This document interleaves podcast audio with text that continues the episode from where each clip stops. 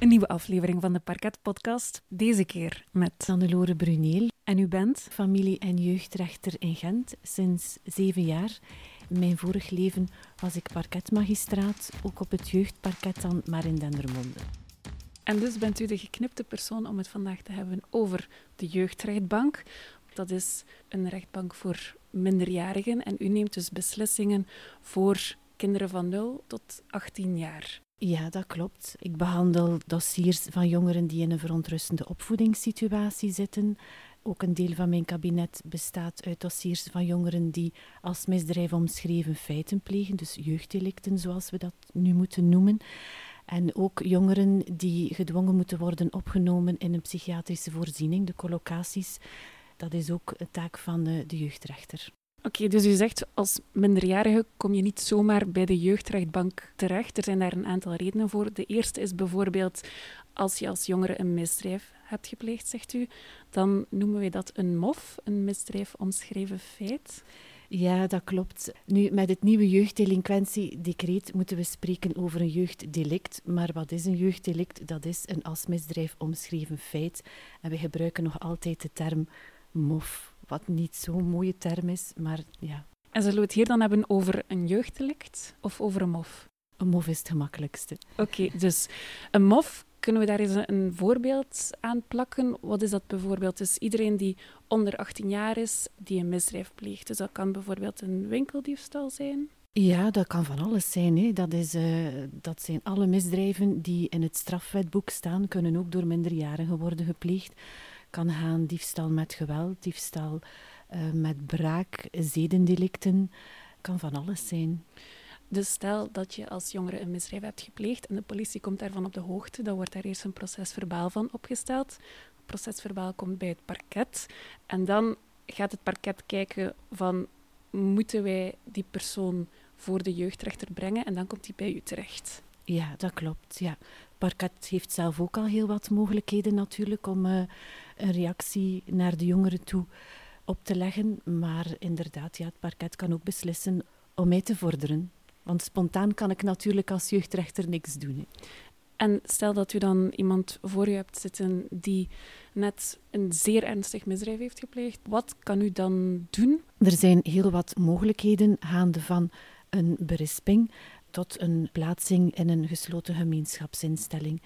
En natuurlijk gaan we niet onmiddellijk de meest zware maatregel opleggen, maar soms is dat ook echt wel noodzakelijk uh, als het gaat om uh, zware feiten, als we zien dat de ouders of de context niet echt steunend is voor de jongeren, uh, of als er gevaar is voor recidive enzovoort, dan, dan kan het wel gebeuren dat een jongere onmiddellijk geplaatst wordt in een gesloten jeugdinstelling, maar dat is echt een zeer kleine minderheid. Dat is enkel in zeer ernstige, acute gevallen waarbij dat er een plaatsing gebeurt in een gesloten instelling.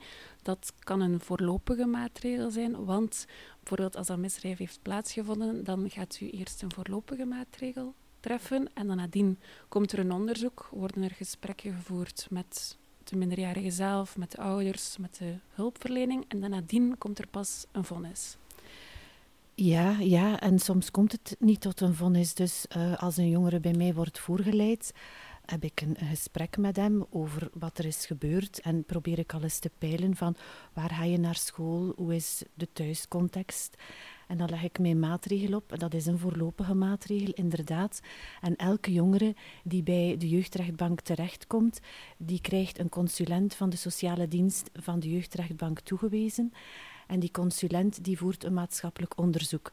Dat is een diepgaand onderzoek, dat is een zeer goed onderzoek, waarbij dat, uh, de consulent naar de school gaat van de jongeren om te kijken wat is zijn niveau, hoe is zijn gedrag op school, hoe is zijn gedrag in, in de groep naar de leerkrachten toe, hoe doet hij het, is hij aanwezig op school.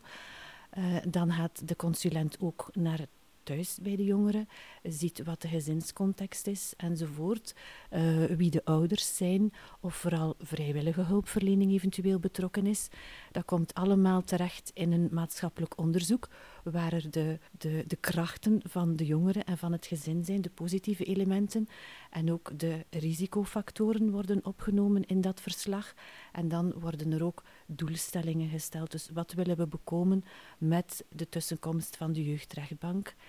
En dan wordt daar aan gewerkt en dan wordt door de consulent een advies gegeven over uh, wat de gepaste maatregel zou zijn.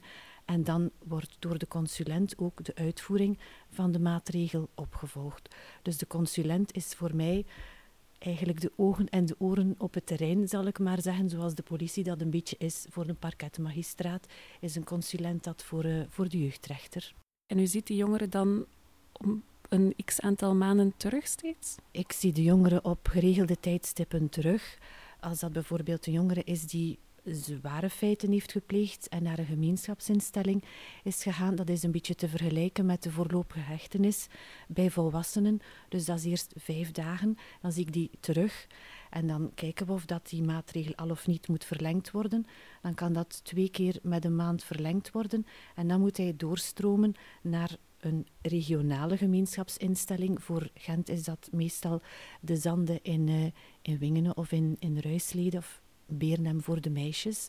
En dan zie ik die op geregelde tijdstippen terug, maandelijks, normaal gezien. En dan kijken we of dat de maatregel moet aangepast worden of dat hij kan doorstromen naar een minder gesloten regime. Totdat de jongere eigenlijk terug volledig zelf in zijn thuiscontext naar school kan gaan en op het rechte pad is. Dat, is de, dat is de bedoeling. Ja, dat is de bedoeling. Ook wordt er soms al gestart vanuit de gemeenschapsinstelling met bezoeken naar huis toe. Dat wordt dan ook uitgebreid. En uh, ook school kan starten vanuit de gemeenschapsinstelling.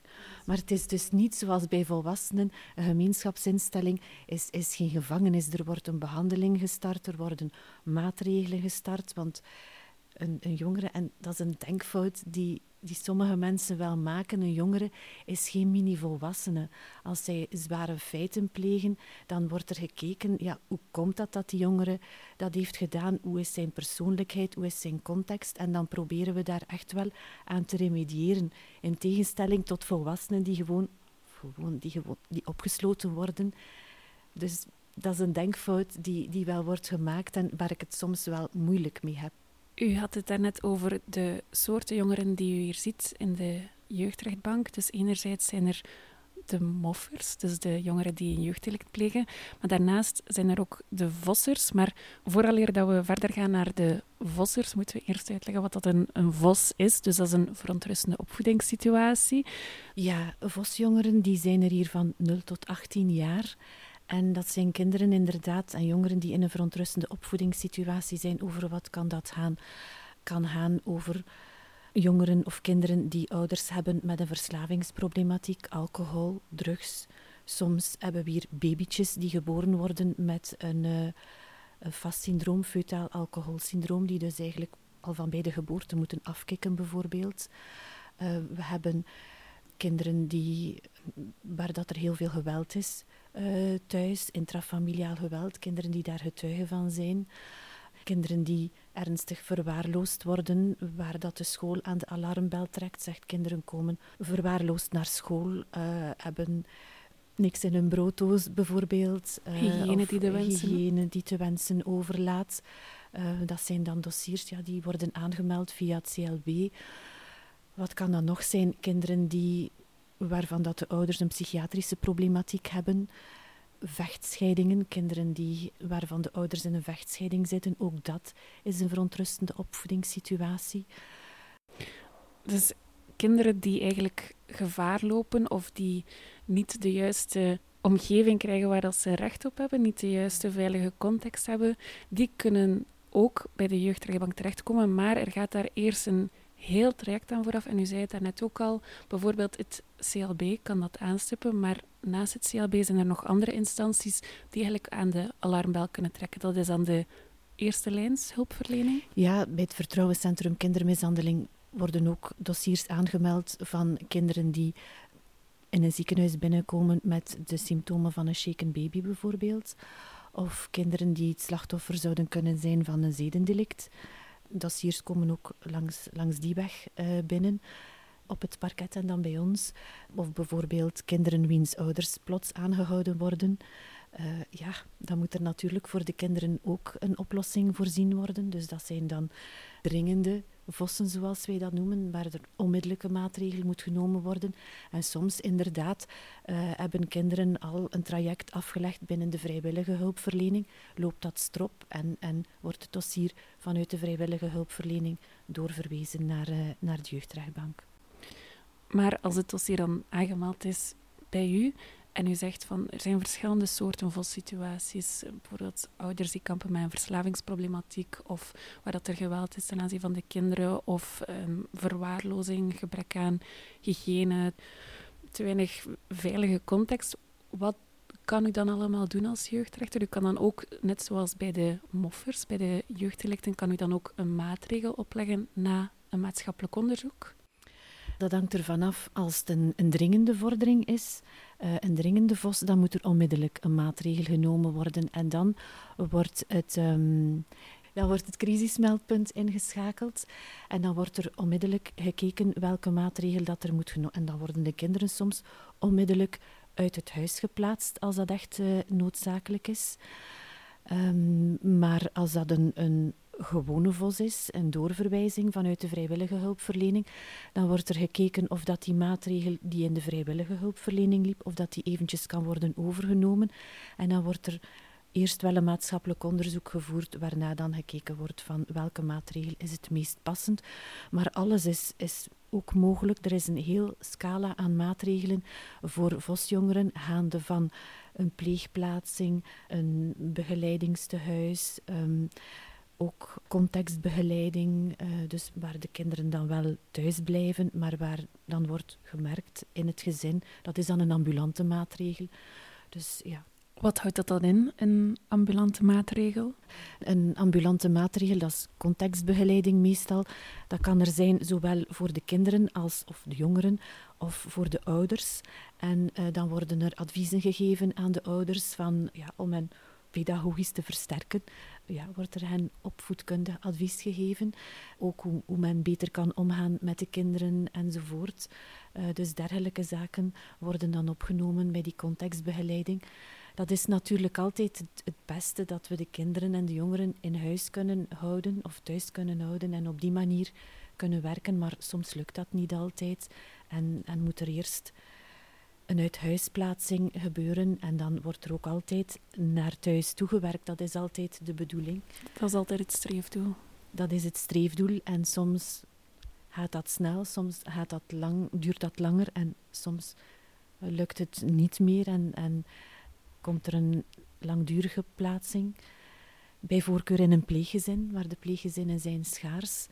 Zeker als het gaat over jongeren die toch al wat ouder zijn, voor, voor babytjes en, en kleine kinderen, lukt het makkelijker om pleeggezinnen te vinden dan voor, voor oudere kinderen die al een zwaardere rugzak hebben. -hmm. Als jeugdrechter kan u bijvoorbeeld eerst een uithuisplaatsing doen, liefst zo min mogelijk. Maar die plaatsen, en dat horen we langs alle kanten vaak en vaak in de media, die plaatsen zijn beperkt. Er zijn daar wachtlijsten om jongeren die hulp te bieden. Zowel voor mofjongeren als vossers zijn er overal wachtlijsten. En wij krijgen van onze sociale dienst heel mooie adviezen voor een bepaalde jongeren van dat is de beste maatregel, maar de uitvoering daarvan ja, laat soms op zich wachten en dan moeten we heel vaak teruggrijpen naar de tweede beste maatregel, maar ondertussen gaat het leven van die jongeren natuurlijk verder en ja, als er niet onmiddellijk of de, de, juiste maatregel kan opgelegd worden, dan zien we vaak dat situaties helemaal ontsporen. En dat is bijzonder jammer. En bij een hoogdringende vos, waarbij dat er echt acuut ingegrepen moet worden, bijvoorbeeld als u zegt van in een ziekenhuis krijgen wij een melding van een shaken baby die heeft een beenbreuk en die mag niet meer naar huis gaan omdat dat echt gevaar loopt. Is er dan voldoende plaats in het crisisnetwerk of zijn er voldoende crisisbedden om dat dan meteen à la minuut op te lossen? Ja, uh, vaak is het zo dat, uh, dat een kindje in een ziekenhuis kan blijven. In een dergelijk geval, als, er ook, ja, als het ook medische zorg nodig heeft, dan kunnen we vaak rekenen op het ziekenhuis om het kindje dan in veiligheid te kunnen opvangen.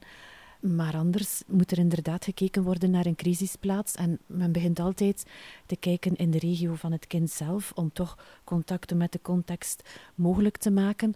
Maar als dat niet lukt, dan moeten we soms buiten de regio. En dat kan dan ver zijn, Brussel, Antwerpen. Dat is natuurlijk niet comfortabel, maar ja, de veiligheid van het kind in kwestie primeert natuurlijk. Hè. Maar zo'n crisisplaatsing, dat is maar tijdelijk. En nadat die crisisplaatsing dan is afgelopen, ik denk dat dat over een aantal weken gaat dan. 14 dagen, twee keer zeven dagen. Wat dan? Dan moet het kind terug naar huis? Nee, dan moet er echt wel zeer intensief gezocht worden naar vervolghulpverlening. En een crisisplaatsing of een, een kind dat uh, in crisis ergens is geplaatst, krijgt natuurlijk voorrang. Uh, sowieso. Maar uh, de plaatsen zijn inderdaad beperkt. Er waren twee jaar geleden al wachtlijsten, vorig jaar waren er wachtlijsten. En toen kwam er corona. Welke impact heeft dat gehad op de jeugdhulp? Er waren inderdaad wachtlijsten voor corona en die zijn er nog altijd. En eh, corona heeft daar niets aan veranderd op zich. Maar de coronacrisis heeft wel een merkwaardige invloed gehad op bepaalde trajecten. Dus we zagen in het begin van de coronacrisis jongeren, kinderen die in een voorziening verbleven, konden niet naar huis, moesten daar extra lang blijven, wat soms zeer schrijnend was. Maar dan waren er ook kinderen die thuis waren en die niet meer terug konden naar de voorziening.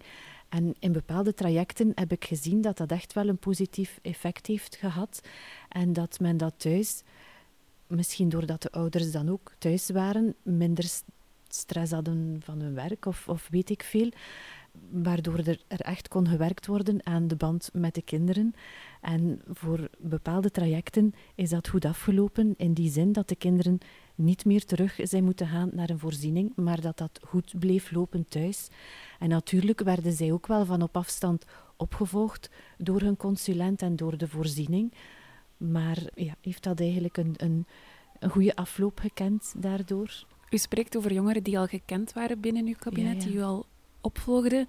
Maar merkt u nu dat er meer en meer verontrustende opvoedingssituaties aangemeld worden nadat de coronacrisis nu wat is gaan liggen, omdat jongeren toen niet naar school gingen. Dus het CLB merkte toen geen problemen op en ook nergens eruit konden, die echt opges ja, opgesloten tussen aanhalingstekens zaten binnen hun vier muren van hun huis en, en geen safe haven hadden. Ja, die een beetje onder de radar bleven. Daar, uh, daar daar gaat het eigenlijk wel om. Hè.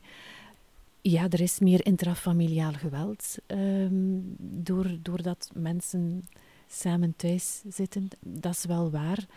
Maar ik kan niet zeggen dat er daar extreem meer VOS-dossiers zijn binnengekomen door uh, die coronacrisis. Dat zeker niet. Dat, uh, maar anderzijds is het wel zo dat de jongeren die al gekend zijn, dat het voor de VOS-jongeren denk ik dat die coronacrisis in de meeste gevallen een extra zware impact heeft gehad op hun welzijn. Ook bijvoorbeeld voor de vrijwillige hulpverlening die dan bijvoorbeeld aan thuis kwam, die contextbegeleiding deed als zij bijvoorbeeld niet meer op huisbezoek mochten gaan, dat daar heel voorzichtig mee omgesprongen werd, terecht ook, maar dat dat echt tot aan de drempel bleef en dat daardoor de hulpverlening eigenlijk onvoldoende contact kon leggen met het gezin en met de jongeren. Dat zeker. En, en ook ja, hier op mijn kabinet zijn er ook weinig fysieke kabinetsbesprekingen. Uh, de meeste gaan online door en, en soms is in een zittingszaal, maar dat is niet, niet de normale setting. Um, er, er, zijn jongeren van wie ik het gezicht nog niet heb gezien, hè, die met een mondmasker naar de rechtbank moeten komen. Ze hebben mijn gezicht nog niet gezien. En ja, daardoor, dat, dat is geen uh, comfortabele manier van, van werken, dat, dat zeker. Natuurlijk, er staan hier zeer veel stoelen, maar die stoelen zijn, zijn meestal allemaal bezet. Hè. De jongere is hier altijd bijgestaan door een jeugdadvocaat. Vaak zijn de beide ouders erbij, soms ook met hun advocaat, iemand van de hulpverlening, meerdere mensen soms van de hulpverlening, soms twee of meer politiemensen die erbij zijn. Dat kan nu niet op deze manier. En het kan wel in de zittingszaal, daar kunnen we wel afstand houden, maar die afstand, dat is niet altijd goed in jeugdzaken. Ik wil mijn, mijn minderjarigen kunnen zien, ik wil daar een normaal gesprek mee kunnen voeren. Als ik daar aan, uh, ja, in de zittingszaal op mijn zetel zo ver van iedereen zit, dat, dat is geen manier van werken. En bij, bij, bij mofjongeren kunt je nog zeggen, ja, die hebben er min of meer voor gekozen om daar te zijn. Maar bij, bij vossers is dat niet het geval. En vanaf 12 jaar, telkens als ik een maatregel neem voor een vosjongere, moet die hier aanwezig zijn. Dus die, die kinderen en jongeren hebben er niet voor gekozen om hier te zijn. En als je dan op zo'n afstand met elkaar moet praten en elkaar als ik de jongere dan wil een beetje geruststellen, dat hij zich veilig voelt, hij of zij zich veilig voelt en, en met mij een normaal gesprek kan voeren, ja, dat gaat niet op die manier. Dus in die zin kijk ik echt wel uit naar weer een normale manier van werken. En er is beterschap op komst. Heeft u uw vaccinatie-uitnodiging al gekregen? ik heb ze nog niet gekregen. Ik ben nog een klein beetje te jong, maar ik hoop toch voor het verlof nog uh, mijn vaccin te krijgen. Kijk, ik heb nog één laatste vraag voor u. Wat is uw wens als jeugdrechter? Wat er nog kan veranderen? Wat is in uw ideale wereld het verloop of waaraan moet er nu nog gewerkt worden waarop dat uw werk beter zou worden? In een ideale wereld zou ik ehm, een, uh, een wetgeving voor de jongeren willen waar dat er geen onderscheid wordt gemaakt tussen een vosjongere en, en een mofjongere.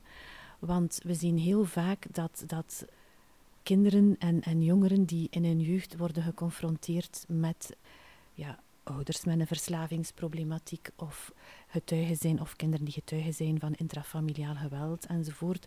Of ja, die niet de, ja, die een context, die moeten opgroeien in een context waar er weinig pedagogische kwaliteiten zijn. En we zien dat die kinderen toch een, een rugzak hebben, waardoor zij dan als ze ja, in adolescentieleeftijd komen en, en niet de nodige aandacht en ondersteuning krijgen van thuis, dat zij vaak overgaan tot het plegen van delicten. Dus voor mij zit er achter elke mofjongere zit er eigenlijk een VOS-situatie.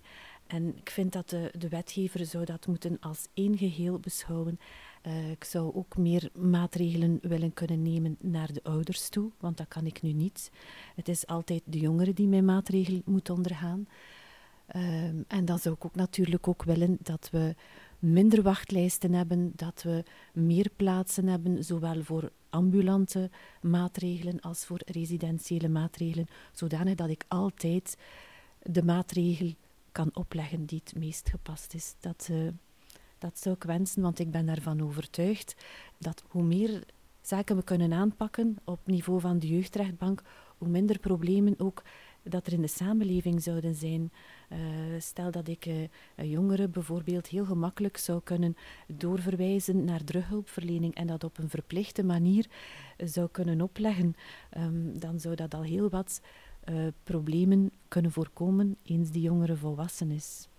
Eigenlijk zodat jongeren de hulp krijgen waar ze recht op hebben. En niet enkel de jongeren is daarbij gebaat, ook de ouders, de dichte omgeving, maar ook heel de maatschappij is daarbij gebaat dat jongeren prioritair behandeld worden. Ja, daar ben ik het volmondig mee eens.